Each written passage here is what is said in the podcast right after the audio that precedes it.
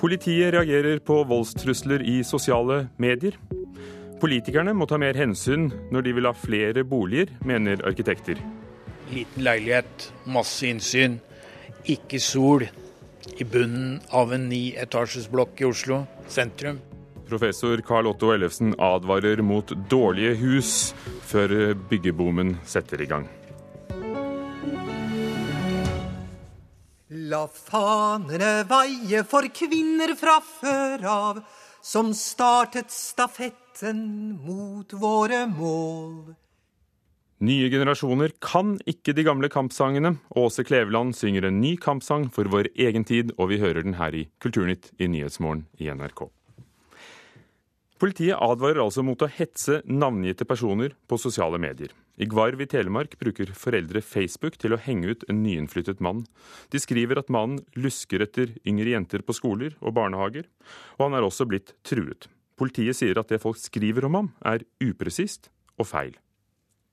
Ops, se her. Her er bilde av og bilen han kjører rundt i. Deler dette så alle er klar over hvem han er og åssen bil han kjører. Det er mange redde jenter her på Garv nå. Alle må informeres. Spre videre. Meldingene som advarer mot mannen på Gvarv er mange, og de spres raskt. Flere av advarslene på Facebook identifiserer mannen med fullt navn og adresse, i tillegg til bilde av han og bilen hans. Enkelte oppfordrer også til vold i meldinger som denne hadde gladelig sitt inne for legemsbeskadigelse eller det som verre er, så lenge det er en slik dævel mindre ute i gatene. Aksjonen starta på SMS og i sosiale medier i forrige uke, der flere innbyggere på Gvar var bekymra etter at de hadde hørt om en godt voksen mann som skal ha luska rundt etter yngre jenter. Det er uklart hvem som starta disse advarslene og hvordan ryktene har oppstått. Mannen selv ønsker ikke å la seg intervjue i radio, og formidler via et familiemedlem som er hans talsperson, at det har blitt en Facebook-storm av beskyldninger. Han beskyldes for å være en pedofil mann eh, som er livsfarlig. Som burde, burde bli buras inne bak lås og slå. Han blir beskyldt for å ha kamphunder som kan fly på folk. Han blir beskyldt for å luske i stier etter barnehagebarn. Eh, han blir beskyldt for at eh, han henger på utsida av barneskoler og prøver å lure med seg unger i bilen. Han eh, Ja, det er ekstremt mye. Alt ligger på Facebook, og det har vi arkivert. Er det grunn til all denne bekymringa? Absolutt ikke. Han er helt ufarlig. Han har litt mangel på sosiale antenner, og han sier ting rett ut, sånn som det er. Og det, jeg forstår folk at de, at de reagerer på det. da. Det gjør jeg. Fredag valgte Sauherad barne- og ungdomsskole å informere lærerne om bekymringen som oppsto blant foreldre og elever. Skolen tar ikke stilling til Facebook-advarslene, men sier at det var en bekymring de måtte ta på alvor, sier rektor Ingunn Haugland. Det vi har gjort, er at vi har eh, gitt beskjed til inspeksjonsvakter at de skal holde et ekstra oppsyn. Hvorfor valgte dere å gjøre det? Hvis det hadde vært noe som skjedde her, da, så er det jo viktig at vi tidlig får eh, tak på det og kan, kan melde det videre. Så vi har jo en tett dialog med, med politiet på det. Politiet jobber med saken og har mottatt en anmeldelse på mannen, men sier at til nå under etterforskningen er det ingenting som tyder på at det foreligger forhold av en slik karakter som beskrives på sosiale medier. Det virker som det som skrives er langt grovere enn det politiet har opplysninger om, sier påtaleansvarlig i saken Wenche Merete Kaasa. Lensmann i Bø, Rollef Bergan, ber folk om å være forsiktig med hva de deler. Det som er viktig for politiet å si i denne sammenhengen, er at vi maner til en stor grad av forsiktighet og edruelighet med tanke på å dele den type informasjon som nå, nå verserer. Det er fordi at det er store, store konsekvenser for, eh, for den det gjelder, selvfølgelig. I tillegg så opplever jeg at det er et veldig lavt presisjonsnivå i den informasjonen som nå deles. Hva mener du med det? Jeg ser at en del av det som nå verserer på, på ulike sosiale medier, ikke medfører riktighet. Familien anmelder nå flere av personene som har spredt sjikane på Facebook, og som har møtt opp på tunet hans, tatt bilder og kommet med trusler. Hvordan har han det nå? Han har det ikke bra i det hele tatt. Han eh, sitter stort sett inne i det lille huset han leier der oppe, og han eh, kommer til å pakke tingene sine ganske kjapt og flytte derfra. Og dette er altså nevøen til mannen vi hørte her. NRK har gjentatte ganger forsøkt å komme i kontakt med dem som har hetset eh, mannen i sosiale medier, men ingen har besvart henvendelsene våre. Reporter i saken, Solfrid Leirgull Øvrebø. Cecilie Staude, lektor ved Handelshøyskolen BI. Du har forsket mye på sosiale medier. Er det bygdedyret som vekkes til live?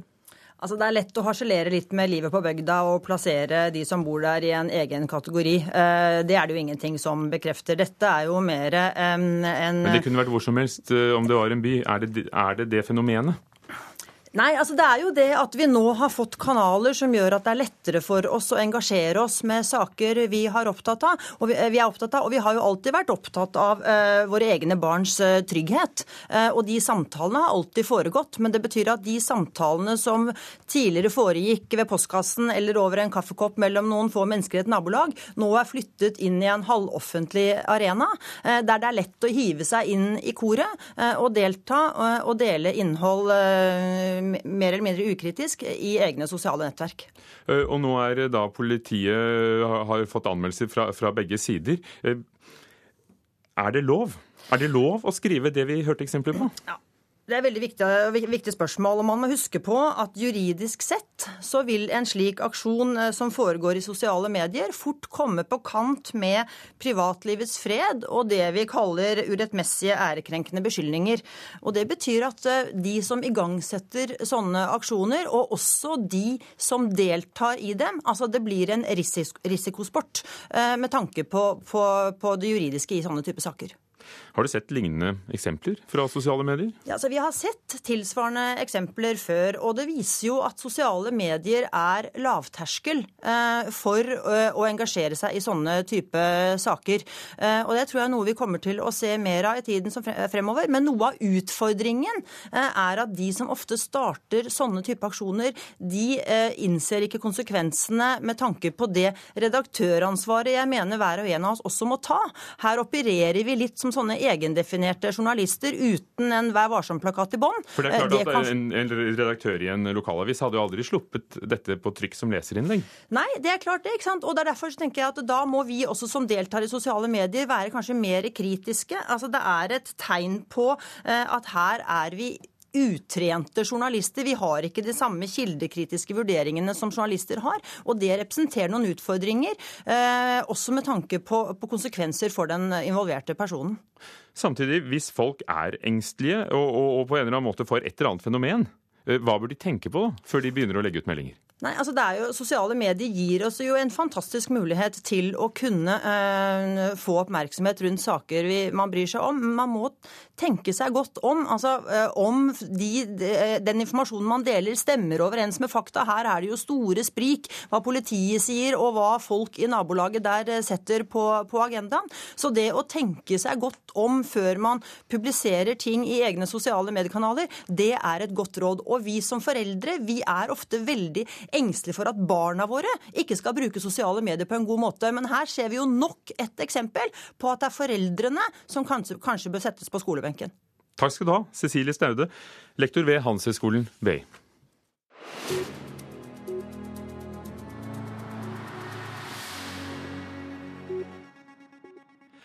Nesten halvparten av journalistene i Norge har opplevd hets, sjikane eller trakassering. Én av fire sier de er blitt truet. Det viser en ny undersøkelse utført av Arbeidsforskningsinstituttet, som blir publisert i boken 'Meningers mot' denne uken. Ni av ti sier også at redaksjonen de arbeider for ikke har nedskrevne regler for å ivareta journalistene når de hetses eller trues, skriver Aftenposten i dag.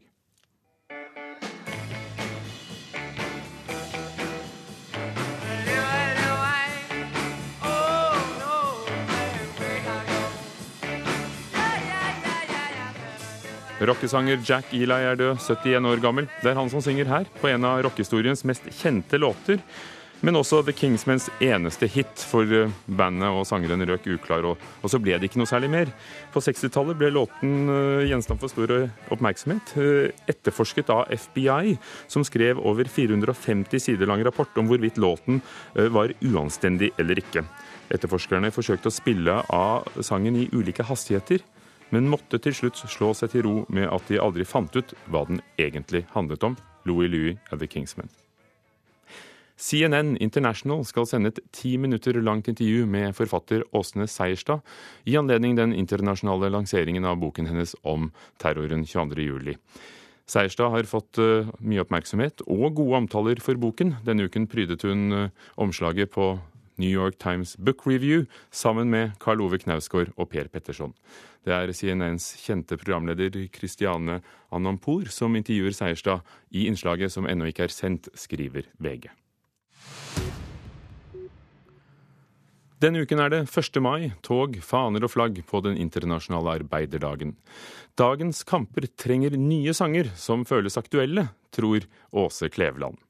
Hverdagen har forandret seg ganske mye siden kvinnegruppa Kjerringrock på 70-tallet sang om kvinner i arbeidslivet.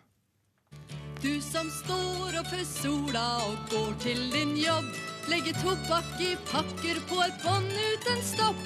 Inntil du stempler ut for å handle før fem.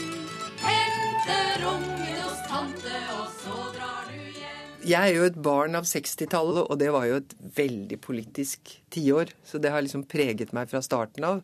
Åse Kleveland har tatt opp igjen sangkarrieren, og eksperimenterer med kampsanger når hun er ute på turné. Og hvor jeg bl.a.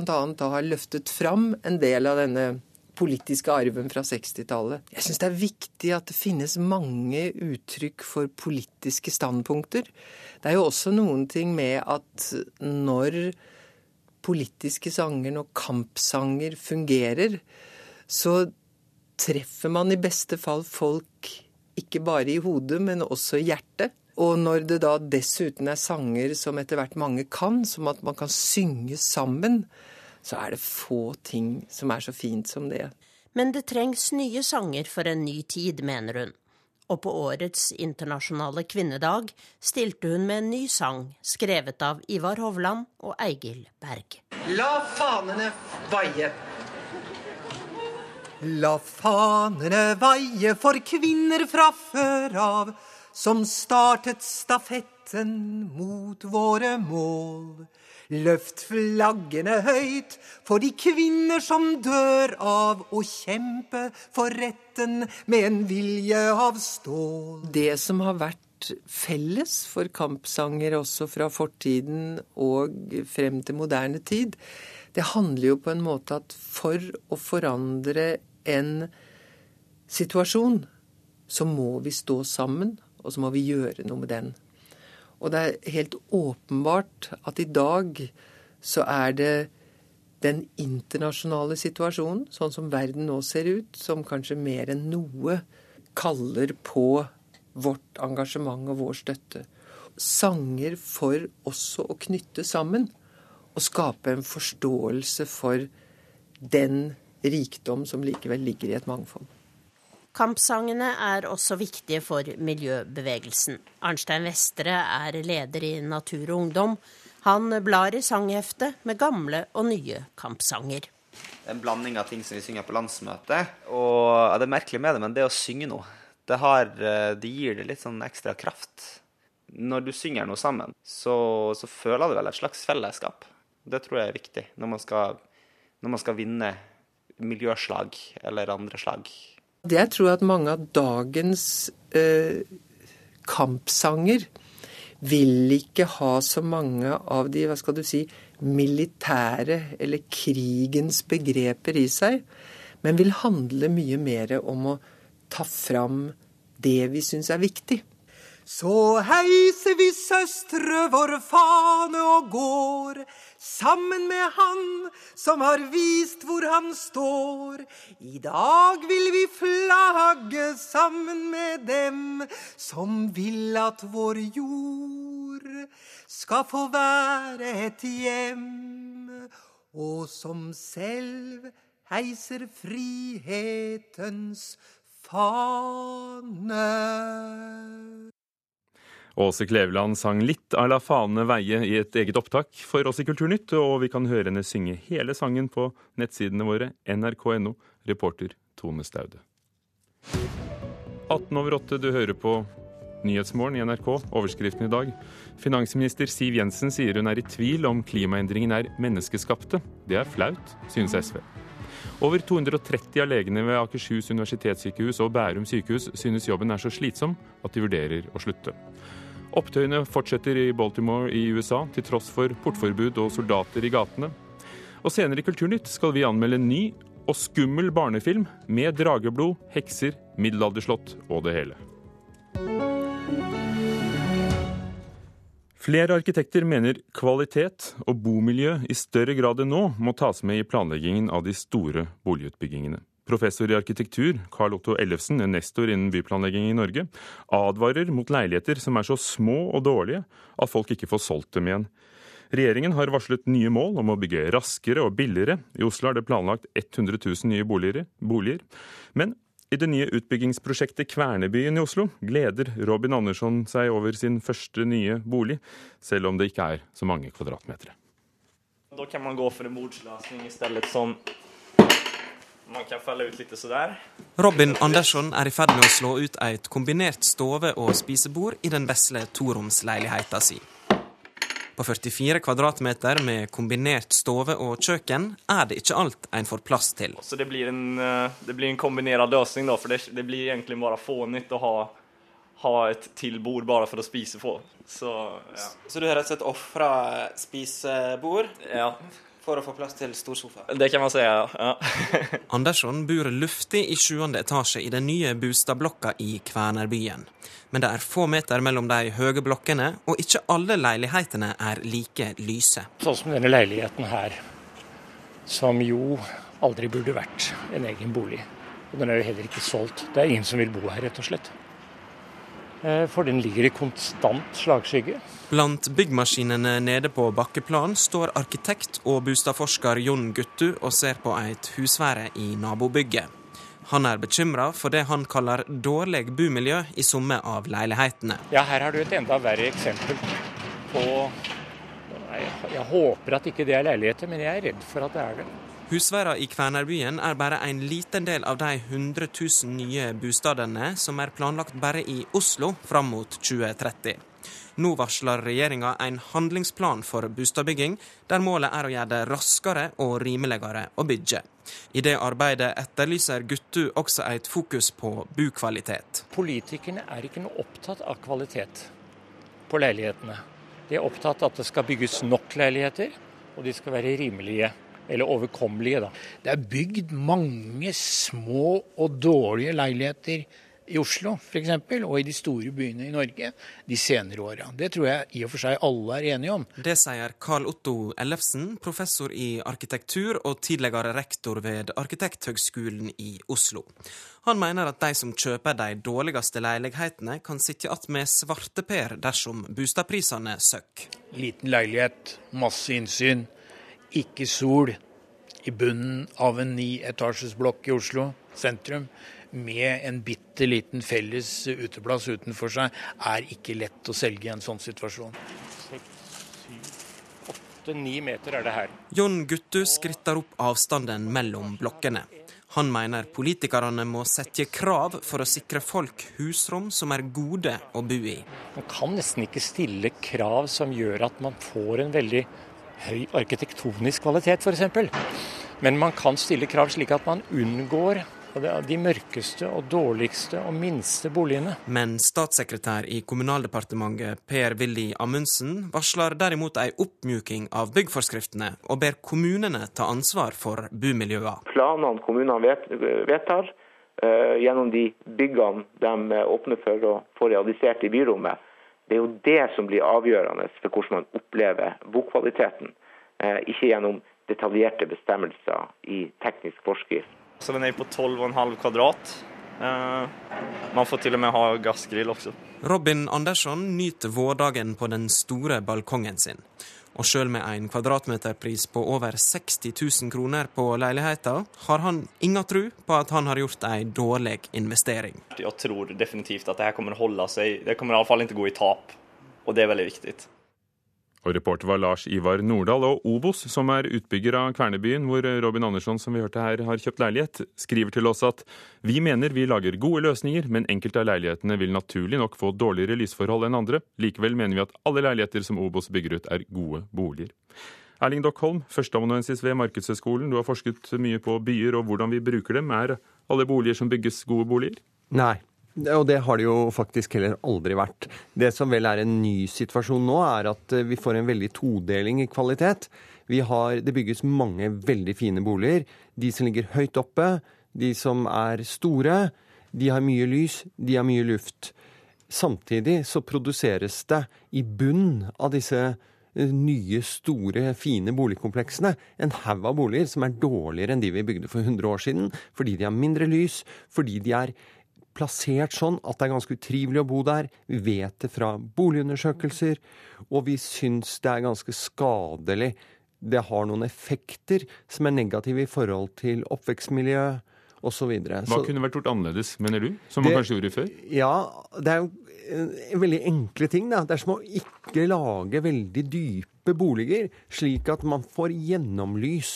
Og i Oslo hadde man jo et eget boligkontor som sikret disse kvalitetene fram til rundt 1980. Så ble det nedlagt.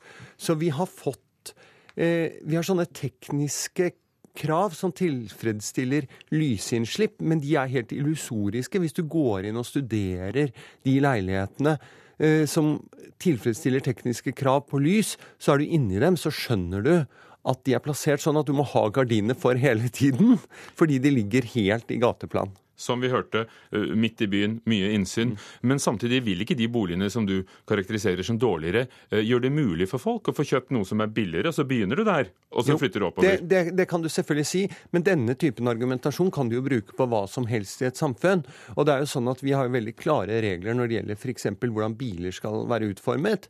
Kunne jo, vi kunne hatt mye billigere biler i Norge hvis vi hadde redusert sikkerhetskravene. Og vi må jo spørre oss om hvorfor vi i et svært rikt samfunn ikke bygger bedre. Fordi at, og det, dette har konsekvenser. Vi ser at hvis vi klarer å lage gode boliger, så får vi mer stabile bomiljøer. Får vi mer stabile bomiljøer, så får vi barn som gjør det bedre på skolen, som trives bedre, som har mindre drop-out etc. Så dette er jo viktig. Har kommunene politikerne, bygningsetatene, abdisert når de nettopp ikke lenger stiller de konkrete kravene? For også på 30-tallet var det jo enorme byggeprosjekter. Ja. Eh, det vi kan si er at de politiske prosessene i noen av Norges større byer har vært slik at utbyggere har fått lov å gjøre ganske mye som de tidligere ikke fikk, selv om kvalitetsforskjellen på utbyggerne er enormt stor. I Oslo så er det jo sånn at veldig velrenommerte utbyggere som sto for storartet sosial boligbygging i etterkrigstiden, sånn som Obos og Selvåg, i dag i tillegg til å produsere en, en del bra ting, produserer ting som Eh, ikke tjener dem til ære i det hele tatt. Og det tyder jo på at det politiske ambisjonsnivået på boliger har sunket. Takk skal du ha, Erling Dockholm, førsteamanuensis ved Markedshøgskolen, og en forsker på nettopp byer.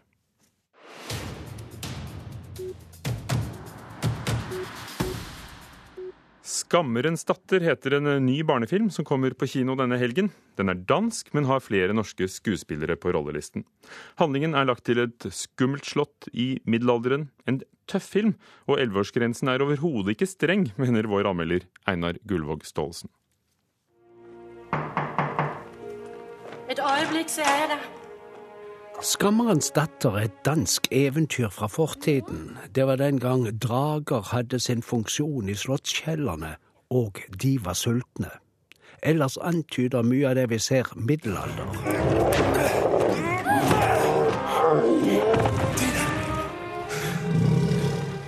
Livet ved fyrstenes hoff var ikke sunt den gangen. Maktkamper endte gjerne i drap.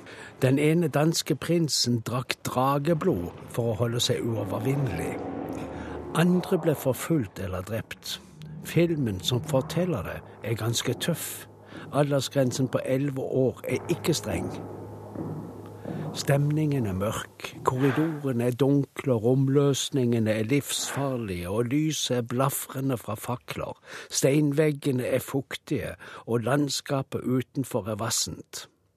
Regissøren Kenneth Kynes og hans folk er gode med design og visuelle illusjoner.